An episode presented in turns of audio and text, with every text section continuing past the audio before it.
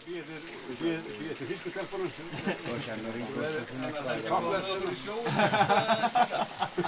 ætla að segja mömmu að byrja að kenna.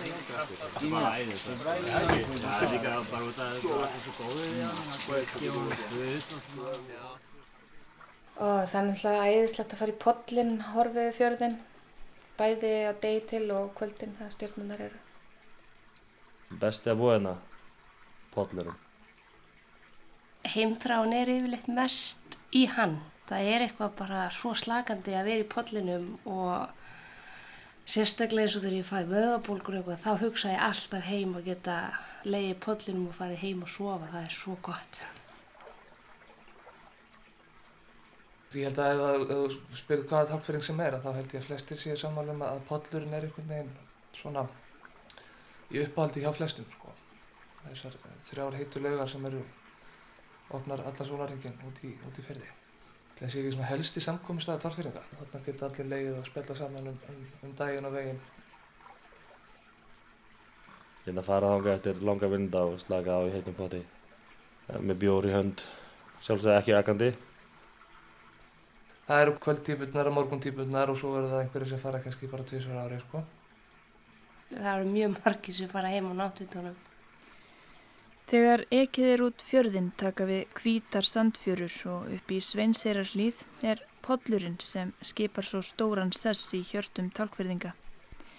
Það er hægt að flatmaga og horfa út fjörðin eða á skeggjaðan tröllkall í fjálslíðinni handanas. Búningsaðstæðan er einföld, karlaklefi, kvennaklefi og sturta, ekkert klósett og börnum er því fyrirgefið ef þau pissa í sturtuna. Á veggi Karlaklefans hafa ymsir kvittað fyrir komu sína. Einhver hefur teiknað gríðarstóra mynd af lunda og bandarískur ferðamaður líst aðdáun sinni á prótendrykk frá MS. Það eru líka óræð skilaboð. Á einum stað stendur vantar meira vaselín á tálnafjörð og á öðrum Pávin er andkristur.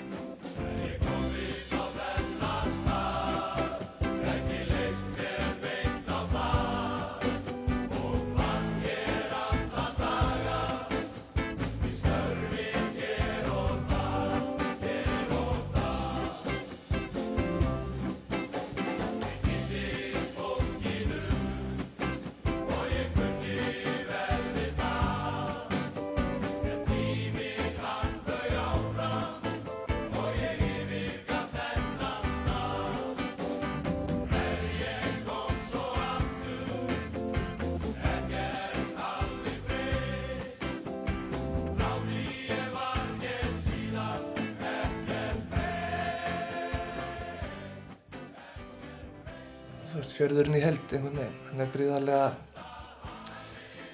einhvern veginn dregur voðalega stert að Eh, þannig að það er skóræktinn og, og, og oddinn líka þetta eru svona höfuð enginni fjörðarins Við erum rosalega heppin að búa hérna sko. Lífið er mjög einfalt og þægilegt. Maður sér það stundum þegar maður kemur til Reykjavíkur að það er einhvern veginn flóknar. Okkur líður yfirleitt best þegar við erum í áttungsbrekkuna á norðaustu stefnu. Keirum hraðar vestur heldur en söður. En söður. Svo er það bara frjálsræðið og vera bara hérna í kyrðinni. Það er eitthvað... Ég veit það ekki. Það er hérna... Fjörðurinn heldur bara einhvern veginn. Strandgatan liggur í gegnum allt þorpið. Þegar komið er inn í bæinn er höfnin á vinstri hönd. Þar eru fyrirtæki á borði Þórsberg og Tungusilung. Ef gengið er áfram eftir strandgötu blasir verslunin við. Byggðin stendur í dálitlum halla. Þetta eru nokkrar götur, Lækjargata og Hrafnadalsvegur liggja lóðrétt í átta tungufelli og ramma þéttustu íbúabyggðina inn. Hinnar göturnar ganga þvert á þær, bugatún neðst, svo miðtún, tungata og móatún efst. Þetta eru fyrst og fremst einbýlishús að undanskildum þremur fjölbýlishúsum. Í hverju þeirra eru sex íbúðir og heimamenn kallaði blokkir. Kirkjan stendur á hæði miðju þorpinu, svolítið einn og sundlaugin og skólinn eru á Sveinseyri, ist í þorpinu. Efudögg líður vel á tálnafyrði. Hún er líffræðingur og var á dögunum kjörin oddviti repsnemdar tálnafjörarreps. Hún rétt komst í viðtal en að vinna meistaraverkefni og veiða út um allar koppa grundir í tengslum við það. Búin að búa tálkna fyrir síðan 2013. Og hvers vegna fluttur í hingað? Bless! Bless, elskan! Við fluttum hingað, eh, okkur vantaði bara húsnað á svæðinu og, og hérna vildum vera á Sunnavera vesturum og það var löst hús og mannir mínum leist rosalega vel á Tálknafjörð af því að það var svo mikið að trjám, hann er danskur. Og hvaðan ertu uppalega? Þingeri í dýrafyrði og reyndar mamma er frá Patrísfyrði þannig að ég hef búið þar líka. Þannig að það er ekkert nýtt fyrir þér að búa í litlu þorpi? Nei, alls ekki. Það er það sem eru langað alla æfi þannig að koma aftur. Og það tókst, loksins. Og varst þú búin að vera í Reykjavík í mittiltíðin eða? Já, Kaupmannhöfn og Álaborg. Ég er búin að pröfa þetta stórbæjarlíf og mér líður bara hverki betur heldur en að vera í svona litlu þorpi og helst á vestfjörum, fjöllin og sjóun. Alveg og nýði. Ég hef þú búin að búa hérna frá 2013. Það var einn sem sagði við mig að, að hérna, það tæki fjögur ára að komast inn í samfélagið hérna. Finnst þér þú vera komin í samfélagið eða? Sko ég, um, það er þingeringur sem að býr hérna og sem að ég þekki frá minni að það var auðvöld fyrir mig að komast inn og kynntist konin hans strax og eins var ég að vinna með stúlkur sem að, að, að býr hérna og er hérðan upprunnilega. Þannig að ég kom strax inn og ég var komin í sveitastjórn árið 2014 Að ásóttiði nefndina og, og fór björgunarsveitina og það er svolítið mikilvægt að maður flytur í svona samfélag bæði það að, að kannski vera að vinna í þorpinu, þá kemstu strax inn. Að búin að taka þátt, þú veist, fara í kvennfélagið, það, það vilja allir taka mótið í kvennfélaginu eða slísuvarnafélaginu, björgunarsveitinni, þannig að maður gerir það að þá ertu fljótt að komast inn. Stunda líka sættin að fara í sundið og taka þátt í öllu sem maður er í bóði og líka ef þú átt bann þá eru auðvitað að komast inn í samfélagi þannig að kynnist í gegnum bönnin og tálnafjörður er mjög opið samfélag það er mjög, taka maður mjög vel finnst mér Jóhanna er konan sem Evadök kynntist strax, þessi sem er gift þingeringi. Hún tók við rekstur í verslunarinnar í vor. Jóhanna hefur allatíð búið á tálnafyrði, að undanskildu einu ári sem hún var við námi í mentaskólanum á Ísafyrði. Hún egnaðist svon 17 ára og kom þá heim. Maður misti svolítið samband við vinnina sem voru í skóla annars þar en ég og pappan sér menn það saman þannig að mér fannst þetta einhvern veginn aldrei neitt mál. Maður kynntist það bara eldri, eldra fólkinu, þeim sem voru kannski tíu árum eldri eða eitthvað. Skoðist þú kannski bara dýpri rótum svona í, í plásinu heldur en þeir sem voru jafnaldraðinir og fóru, kannski kom ekki allir aftur? Það komi fáir aftur en hérna ætla það sé ekki kannski frekar bara öðruvísir rótum.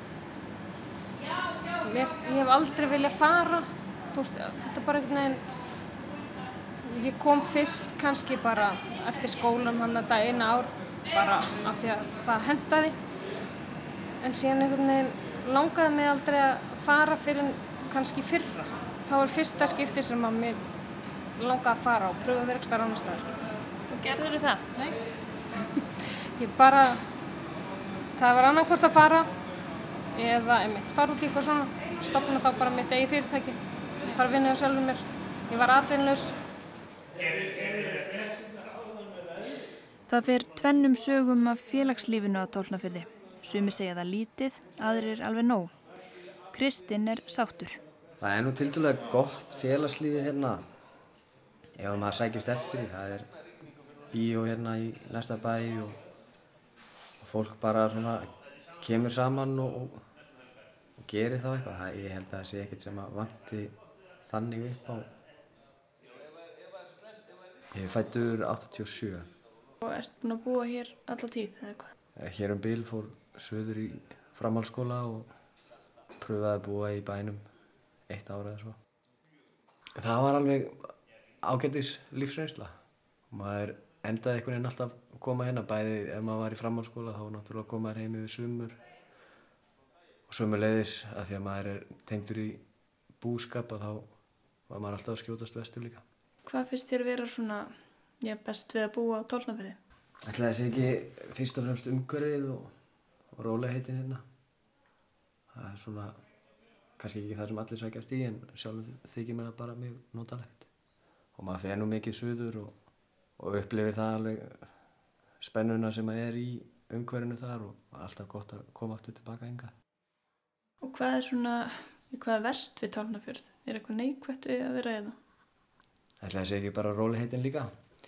Nei, nei, það er, það er, það þarf öruglega svolítið sérstætt fólk til þess að vilja búa við þetta og það er náttúrulega langt í ýmsa þjónustu og annað og, og viðburði og annað sem að manni kannski hugnast að fara á en, en maður lætur sér duga það sem að stendur til búa. Það er, ætla að hafa ekki breyst núna síðustu 5-6 árin að það er kannski það þegar maður er sjálfur að verða eldri, ég veit það ekki, en maður á samleið með miklu fleiri einstaklingum heldur en þegar maður var svona í kringum tvítugt, það er, það vantar árgang maður skilur það að svona ungt fólk finnur auðvitað meira fyrir því heldur en ég, sko. Ég upplifaði það sjálfur þegar ég var á, þessu, á þeim aldri að, að mann er leið eins og maður færi á misvið fleira, sko það var þannig og, og svo núna þá er, er maður með bara nokkuð þéttan vinahóp sem maður getur sótt í, bæði fólk sem er yngri en ég og fólk sem er eldra og maður bara á samleið með fleiri um einhvern veginn. Við erum bara eins og einn stór fjölskylda. Þetta hef ég heyrt marga segja og vísa þá til samheldninar. En það má skilja þetta á tvo vegu. Það er ekkit langt sen að fólk var að eignast kannski 6-7 börn og þá verður náttúrulega svo fjölskylda dómirandi ef öll þessi börn er á staðnum og það er bara, þú veist, það er þannig á Patrísveri líka og það er þannig á Bíldudal og þannig að held sem mjög eðlilegt. Þó að sé kannski, maður finnir kannski svolítið fyrir því að þessi fjölskylda kannski getur stjórnað ef þau eru, uh, þú veist, vilja það. En ég held að sé ekki þannig að, að það sé eitthvað að að skemma samfélagi sko. Það er, þannig er þetta bara. Tunguættin er stór. Henni tilheyra til dæmis þau Bjössi og Margret. Það er alltaf allir skildið mér hérna, þannig að lítið um hvern fólk til að reyna við. Bara frá því ég var úlingur þannig núna. en mér að ég verð aldrei verið við neitt svona tungu eitthvað tal við mig sko. Nei. Og, og en ég, svo hefur maður heyrt utan á sér að fólk hefur eitthvað þurft að ekki verið sátt við fólki sko. En ég segi að það sé bara vegna þess að að sískinu mín hafa ekkert verið hrætt við að vinna og ef þú vinnur, ef þú leggur á þig þá uppskerður það yfirleitt eitthvað Sumir segja að dreyið hafi úr því að fólk kíki í kaffi hvert til annars tengja það breytum tímum internet og Netflix Margrét og Guðlaugur, maðurinn hennar segja að fólk sé meira á faraldsfæti en áður skjótist suður eða til útlanda í fríum Það er alltaf sami kjarni sem er í samlega. Það er bara svo. Það er bara sami kjarni. Það, ég, það, það, það líkur við, já. Það er verið að sérstaklega hittast kannski eftir leikum og svona. En aftur á móti, sko, við, við veitum ekkert hvort að fólk er að fara í kaffi svona fólk, en við erum ekki að gera það. Nei, við, Þannig að það má vel vera að fólk sé mikið já, að við, við, já, náttúrulega, við förum bara, Við erum sjálfum okkur nóg eins og sagði auðvilsingunni. Mm. Við þurfum ekki meira. Það er kannski ekki kannski alveg rétt að við förum ekki í kaffi. En við förum bara á ákveðna staði og svo fyrir kannski annað fólk á aðra staði sem við erum ekki, já. Ég er ekki, ég er bara ekki nóg vel að mér. Ég er ekkert svo vissum að setja lengur neitt mjög, mjög, mjög mikið um saumaklubba. Nei, það er minga líka. Ég held það. Ég man að bara sem barn allavega að mér fannst alltaf einhverju kaffi á mömmu minni. en það náttúrulega var líka, húsin voru alltaf opinn náttúrulega og það bara banka og halló, fólk mætt. Og var það bara, já, hver sem er gætt búið sér í, í kaffi hver sem er eða? Já, það er alltaf hana minningin. Ég meina, ég fór milli húsa þótt að voru ekki börn, það er bara mér fannst gaman að vera hjá ákveðinu fólki og ég bara labba inn og bara, má ég vera hér? Já, maður gerir það svolítið fyrir kaffi og ef ekki, þá fær maður kaffi bara neyri búð. Það er alltaf heit á könnunni og, og tálfeyringar hafa alltaf fengið frýtt kaffi þar. En jú, jú, ég fer alveg til vinkuna og ég veit að það er svolítið virkir, hafa verið virkir saumaklúpar hérna hjá konunum og það er einhver kótilituklúpur hjá strákonum og þannig að það er eitthvað alltaf í gangi. Það er alltaf að fara eitthvað til kaffi ef mann er leiðist. Mér finnst einhvern veginn bara voðalega notalegt ef einhver vil koma og setjast hérna og, og spjalla hvort sem við mig eða bara saman við hvern annan. Og hérna, mér finnst sko þegar bankin fór, menn fóru oft og settist hangað í bankan og, og spjallu, voru kannski ekkert að, þurfti ekkert að sinna nefnum banka í rundum. Og hérna, Það var kaffi kannski. Já, það var kaffi þar menn settist niður og bara spjalluð og bara hittu þá sem að löpuðu fram í og áttu viðskipti í bankanu eða eitthvað og svo bara fórum enn. Þetta er rosalega mikilvægt að hafa svona stað þar sem þú getur sest og spjalla og, og hérna bara hitta aðra. Og hérna, þetta er svona kannski brúar einhver kynnslóðir eða eitthvað. Það er svona típisk búðarsamtöl. Það hefur mikið verið rætt um, um peninga í, í sumar, um hérna, hvort að peningar séu bara hérna að deyja út og hvort að menn komi til með að vera með bara kort út af því sem að Bjarni var að tala um, nei ekki Bjarni heldur Belinditt og hérna þetta er búið að vera rosalega mikið lumræði sumar, þetta jákvætt eða neikvætt viljum við peninga eða viljum við kort Það er lífsæg, lífsægumræða. Mjög. Það er eiginlega bara sko, ég get sagt að þetta sé bara ræði hver, hverri viku allt sumar. Mér er sagt að það hafa verið meirum skrall á tálknafyrði hér áður fyrr þegar verbúðamenningin ríkti. Stundum er þó pubquiz eða ball á veitingastæðanum hópinu og annað hvert ár fer bæjarháttíðin tálknafjör fram.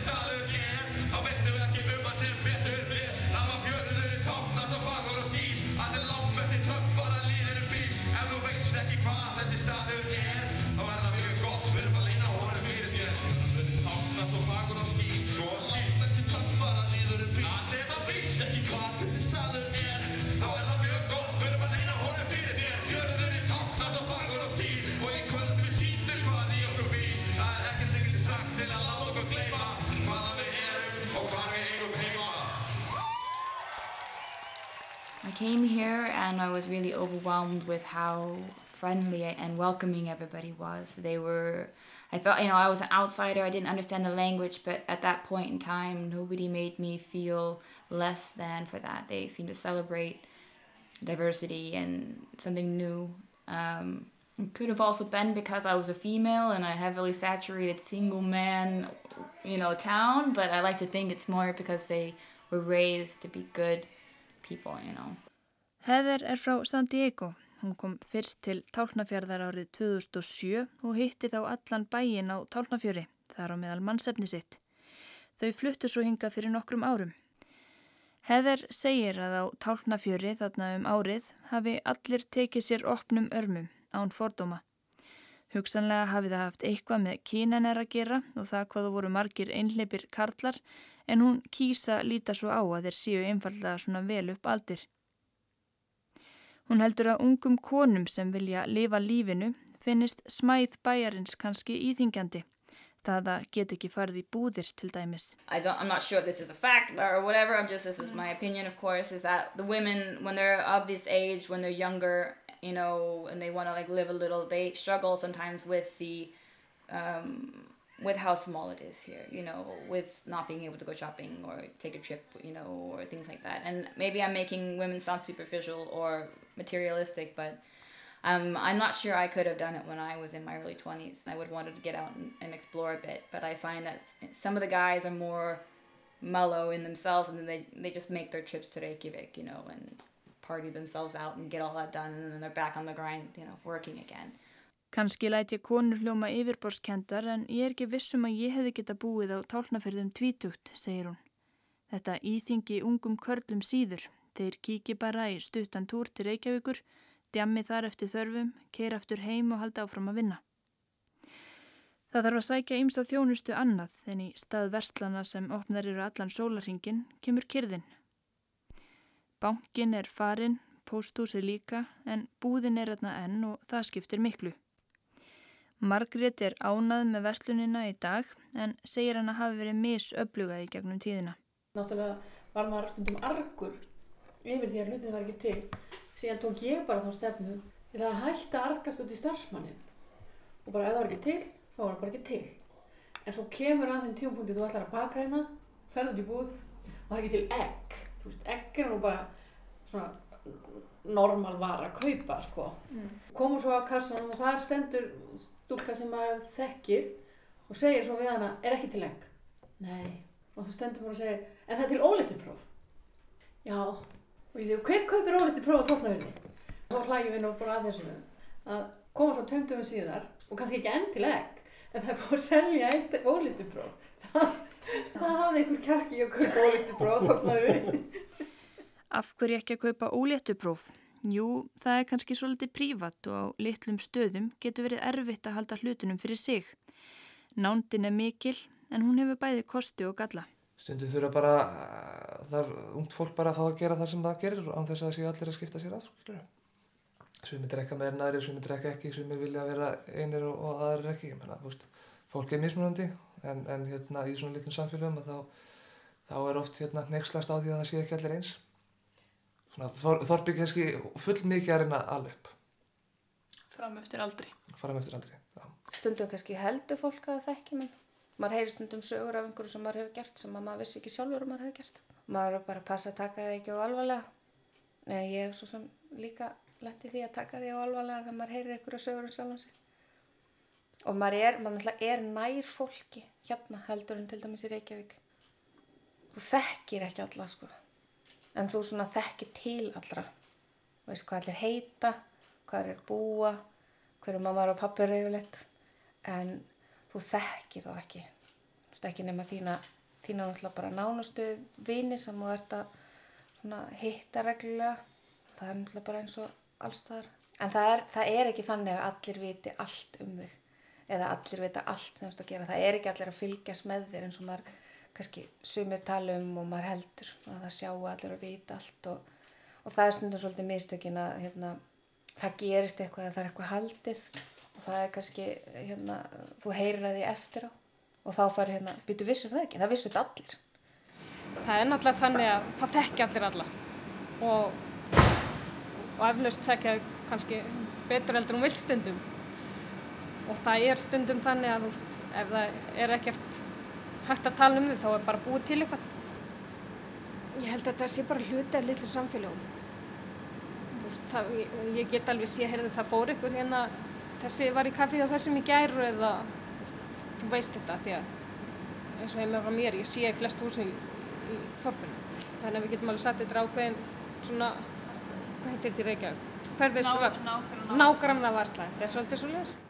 Og þegar það hafa farið einhverjum svona sögur á, á kreik, hvernig sögur hafa það verið? Oft er þetta, oft er þetta eitthvað saklust eins og ég fór nýri í Íþróttahús og heyrði að húsið mitt var komið á sölu sem að var ekki sko. En uh, þetta var svo samfærandi saga að ég tekkaði á því á hérna, netinu hvort að húsið mitt var á sölu. En svo eru svona meiðandi sögur náttúrulega um hluti sem að hérna, særa og, og þú veist, að húsið sé á sölu er ekkert særandi sko. En það geta verið persónulega sögur um eitthvað sem maður á, á að hafa gert, einhver sem einhver, einhver hjaldan hefur séð eða eitthvað svoleiðis, sem getur verið mjög sárt. Og getur líka, getur þetta skemmt fyrir manni ef, ef að fólk er að, er að trúa svona sögum um mann. Ég held að þetta sé bara eitthvað svona, þetta er bara eitthvað svona samleðar áhrif einhvern veginn, þetta er bara svona eitthvað svona, hvað að segja, þú veist, svona lítið uh, samfélagi mikill er nála það bara, þú veist, að, það verður til einhver svona samorka sem fólk veit ekki af endilega, skilur og það er bara svona, það er einhvern einn endilega sem er eitthvað mikið í því að búa til eitthvað, þetta er bara einhvern veginn svona, þú veist, það fer lítill steinn í vatnið og það gárast og það dreifir út frá sér, skilur Heldur þú sem er séu, ég rættir við að gera hluti vegna þess að það er óttast að það fara að stað einhverju sögur um það? Já, ég er alveg 100% viss að það er fólk sem er hrætt við að fara í þessa heimsókn eða, eða hvað það er, hvað, hvað heldur fólk um mig. Og mannorðið skiptir náttúrulega rosalega miklu máli eins og maður veit. En, hérna,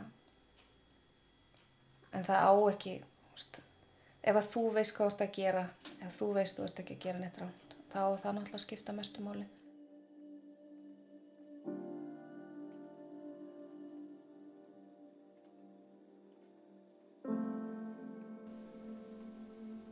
Mörgu leiti þá getur það bara verið hansi gott hvað fólki náið og hér er ég orðin þrítur og ég er ennþá umgangast fólki sem að var að skamma mig og kenna mig reglur eða hugga mig og taka mig heim þegar ég var yngri og, og það er líka bara ákveðin svona kostur og auðlind að að, að, að lifa lífinu með því fólki áfram sko.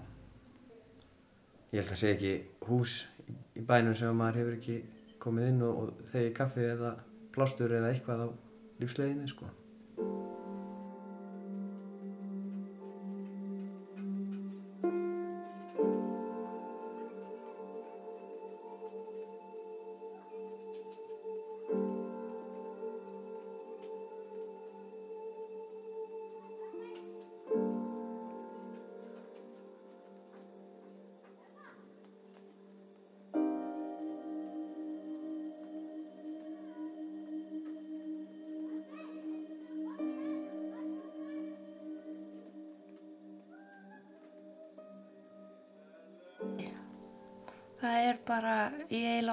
Upp í sundleginni.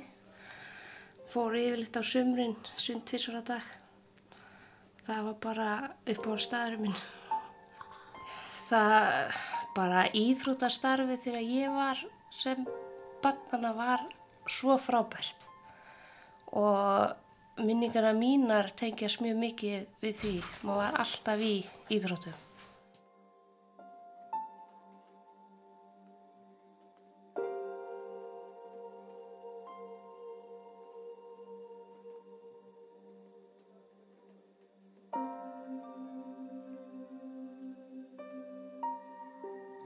Algjört frelsi og áhyggjuleysi.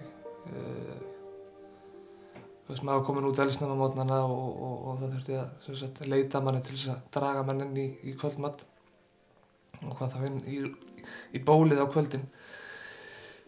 Um, þú veist, við vorum hérna upp um öll fjöll og fyrndindi nýri fjöru og upp á fjárstoppi og ofan í bátum og svona.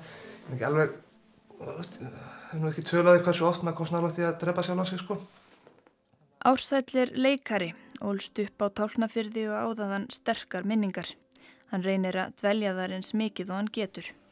þannig að meðan að fóröldarna voru að vinna þá passuðu við okkur sjálf bara en náttúrulega í svona þorpi þú veist þá er veist það er ekkert þetta er ekkert vittlust þetta orðatiltækjum að það sé heilt þorp sem að alveg batt sko það er náttúrulega algjörlega þannig sem þetta er hérna e, víst, í svona litlum þorpum eins og þessu veist, þá náttúrulega er allir á útkíki að fylgjast með börnunum þannig að um leiðu að sást í krakkahóp skottið einhverju krakkahóp sko inn á hættulega slóðir að þá var einhver mættur til þess að reyka okkur, í byrtu og segja okkur til sko og þá náttúrulega tókum við hérna kannski langir fundir um hvernig við getum snúið á á þetta yfirvald og fundið okkur nýja leynistæði þar sem að minni líkur á því að það væri hægt að stoppa okkur af Þú talar um áhyggjuleysi.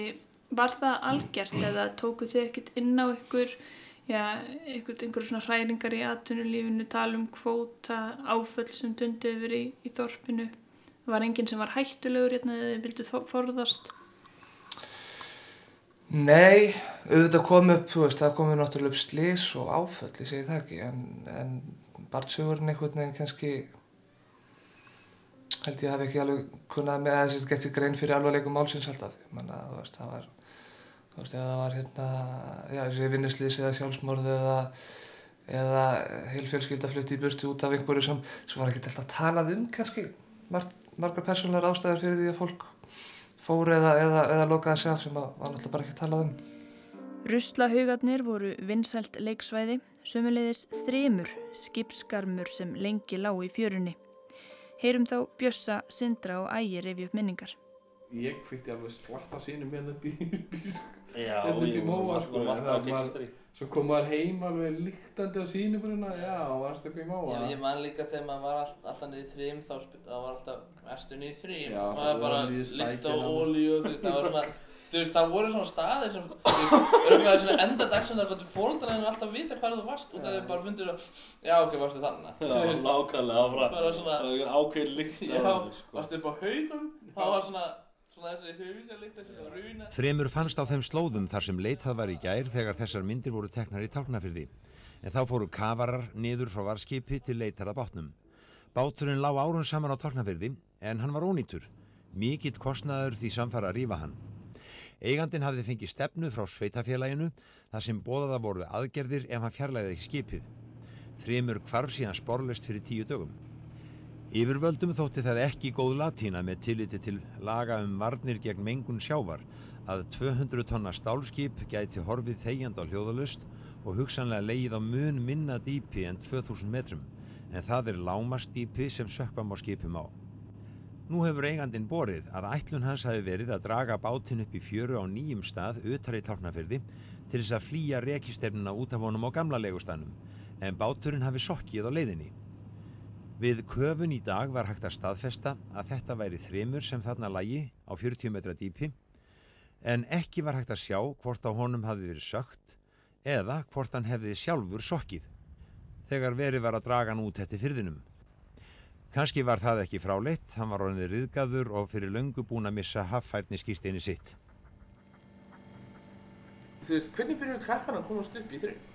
Það Það var svo lágt niður, hvernig? Það var svo hátt upp Sko, það, það voru eldri kakkandur hendu sem sagt, gerði bönn Já. fram á og við gáttum klifra þannig upp, sko.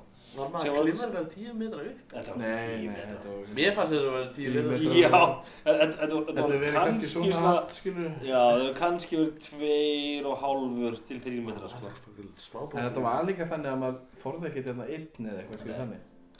Það er líka allir búin að segja allar draugasöndar og Já, hún er það, djúpt að maður hræddur með við skip. andaglasi fram í káðuna fram í kvalbak, sko. Aftur þetta. Nei, hval fór ég fram í líka. Já, já, káðuna. Ég maður þetta fór, ég held ég að bara fara einu sinni eitthvað ón í restina, en ég held að það bara verið þetta ég Nei, kúkur í þetta.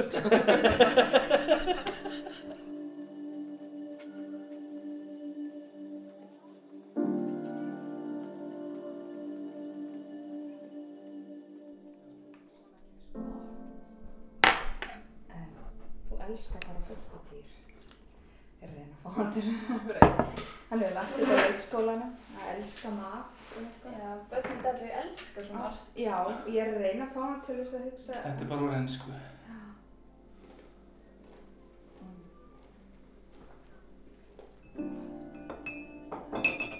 Þetta er eiginlengur.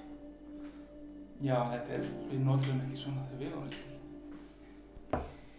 Jóningi er sjómaður, er í Reykjavík á veturna en tekur þátt í strandveiðum á Tálnafyrði á sumrin.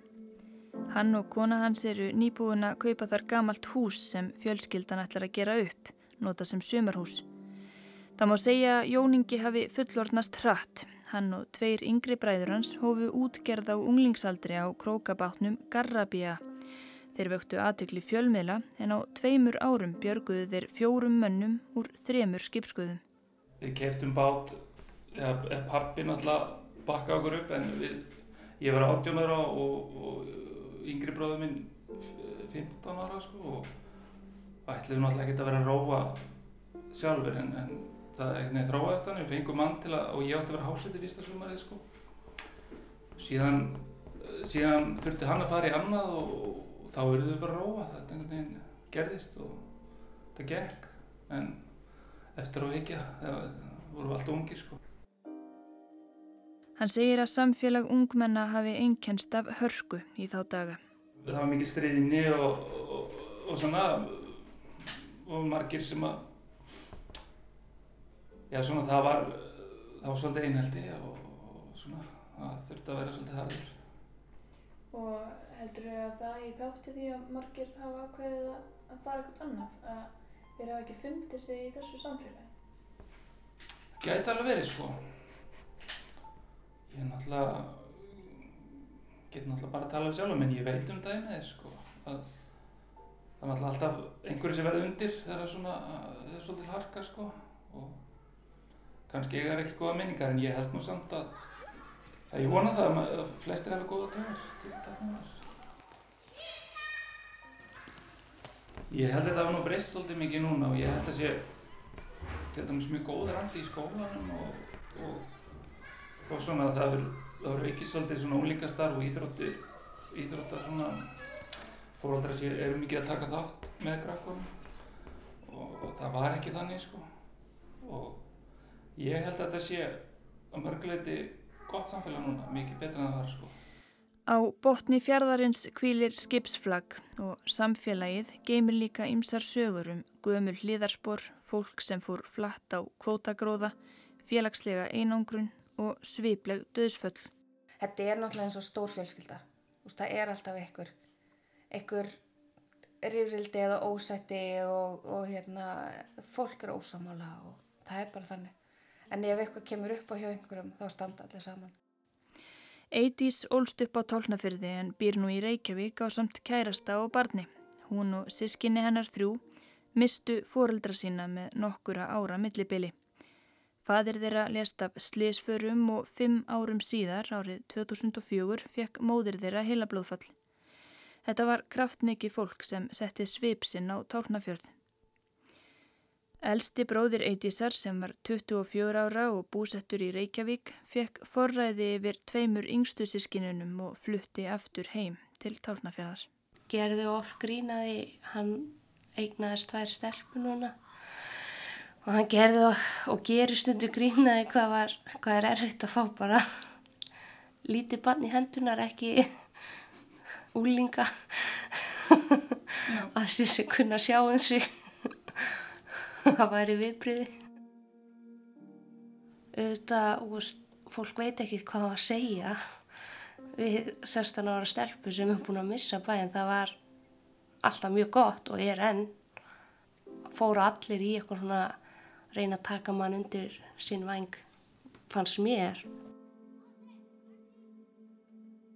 Það var kannski meira líka bara tengt vinum okkar og hvar var ég að hanga sem mest til þetta gerist og líka með bræði mína. Við eigum öll okkar svona litlu fjörskildu sem er ekki okkar sem við sem hjálpu okkur ótrúlega að máta eftir þetta allt og enn í dag. Nú og ég er barn og ég vildi óska að hann geti allast upp þar sko. Það getur ekki verið einmannleikin og maður getur alveg orðið einmanna sko svona inn á milli þar sem er kannski lítið að gerast og, og maður kannski mikið í vinnunni og sér kemur heim og, og það er ekkert að gera og maður situr kannski einn heima og horfur á samvarp. Það getur verið að versta við það. Það er mjög þægilegt stundum að fara til Reykjavík og þurfa ekki að segja góðan daginn við hvern einasta sem það heitir. En svo er það, svo hef, ég hef reynd að búa mörgur sinnum í bænum og ég verð bara að setja við það að ég er dreifbíl stúta. Því að ég þarf bara ofta að spjalla við fólk og það er bara aðeins svona, ég hef góða veðri í dag og svona, þú gerir þetta ekki Reykjavík. Svo líka svolítið þannig maður að maður, maður talar eiginlega við alla. Við erum að flýta okkur guðlögur. Það hefur heyrt það nokkru sinni.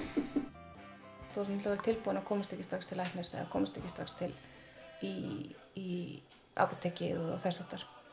Og tilbúin til þess að þú ert ekki að heita mikið að nýju fólki. En ég held að það geti hver sem er og ættu flestir að pröfa að búa út á landi, hvort sem að tálna fyrir eitthvað og maður hefur gott að því. Vikar samdeldaringin svolítið og skilur akkur að við erum að kvarta yfir ímsu og hampa öðru.